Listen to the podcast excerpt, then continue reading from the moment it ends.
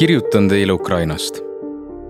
olen reisiblogija ning mitme digitaalse Telegrami kogukonna asutaja Harkivist, Ukrainast. Levila jaoks pean päevikut elust sõja ajal. Butša ja Irpini okupatsiooniarmid. esimesed šokeerivad teated venelaste metsikustest okupeeritud aladel tulid Butšast ja Irpinist. seda šokki juba niisama lihtsalt ei unusta tol päeval, kui sain teada Butšast ja Irpinist, nägin esimesi fotosid, keeldus mõistus niisuguse ebainimliku käitumise võimalustki uskumast. Irpini ja Butšasse sõites keerlevad peas nagu kaleidoskoobis ajakirjandusest nähtud fotod. Need esimesed hallides toonides fotod pärast Kiievi oblasti deokupeerimist. mäletan seda rõõmu, kui saime teada, et Ukraina armeel õnnestus venelased Kiievi oblastist välja peksta siis aga tuli külma dušina kainestav teadmine okupantide korda saadetud õudustest.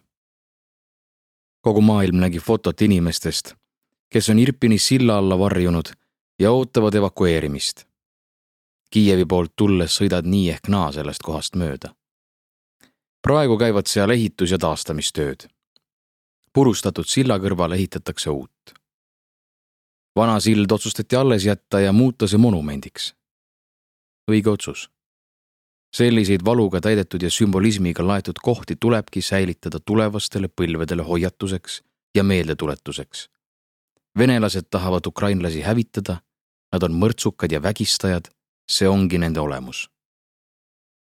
tegelikult saad Irpinis ja Butšas aru, et kui venelastele antakse vaid võimalus, hävitaksid nad kogu Euroopa saatuse tahtel olid paljud Irpinis ja Butšas elamise soetanud inimesed pärit Donetskist ja Luhanskist ning lahkunud sealt kahe tuhande neljateistkümnendal aastal. Irpinis ja Butšas maksab elamispind vähem kui Kiievis.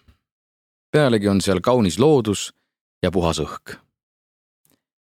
mu Donetskist Irpini jõudnud tuttavad rääkisid, et sõja esimestel päevadel elasid nad otsekui uuesti läbi kahe tuhande neljateistkümnendat aastat Nad ei uskunud, et sõda neile järele jõudis.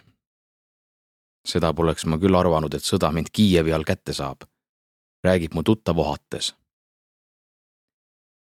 paar kuud enne sõda olid nad naisega Irpinis soetatud korteris äsja remondi lõpetanud. tuttav räägib, et kui kõrvalmaja sai raketiga pihta ja süttis põlema, siis tulid ümberkaudsed elanikud seda ämbritega kustutama, sest polnud seda hirmugi, et tuletõrjujad kohale jõuaks tuttav leiab, et neil naisega vedas.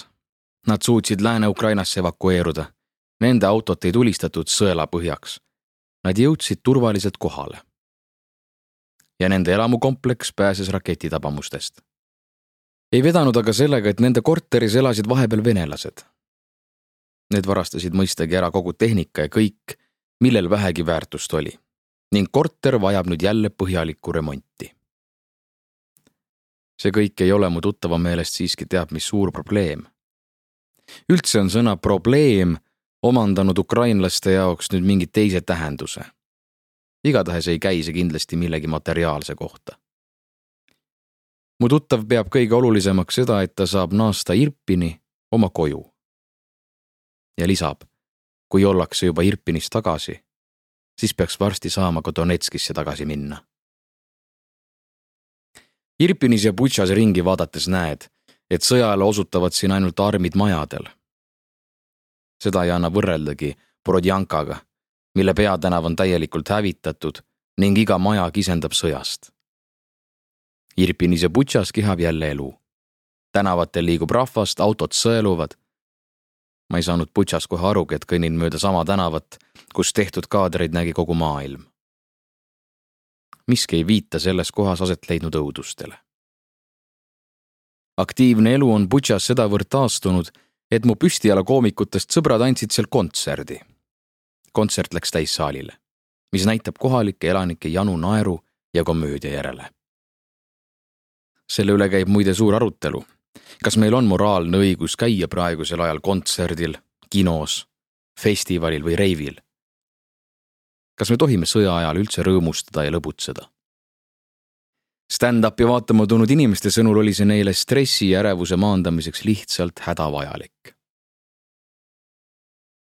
Irpinist väljasõidul püüab mu pilku mingisugune veider kuhjatis. Lähemale sõites mõistan, et see on autode prügimägi. ühtäkki teadvustan enesele toimunu ulatust ja tunnen, kuidas keha kangestub. Purustatud majad ja põlenud autod on ükshaaval nähtuna tavaline vaatepilt ent kui näed korraga ühes kohas sihukest hulka põlenud autosid, hakkab tõeliselt kõhe.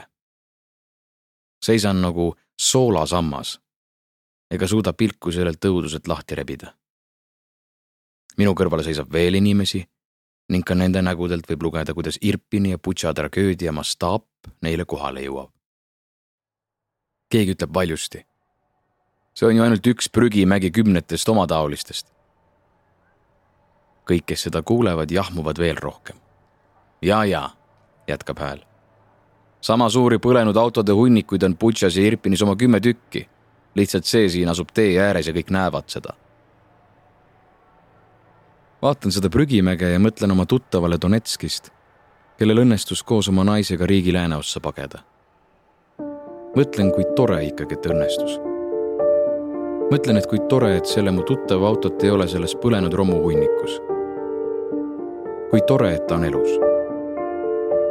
ja remont saab nüüd tehtud eelmisest veel paremini. autor Taras Kovaltšuk, tõlkija Veronika Einberg, toimetaja Helena Läks, audiolugu loeb Karmo Nigula, salvestus, helikujundus Janek Murd, originaalmuusika Konstantin Tsõbulevski. Levila kaks tuhat kakskümmend kolm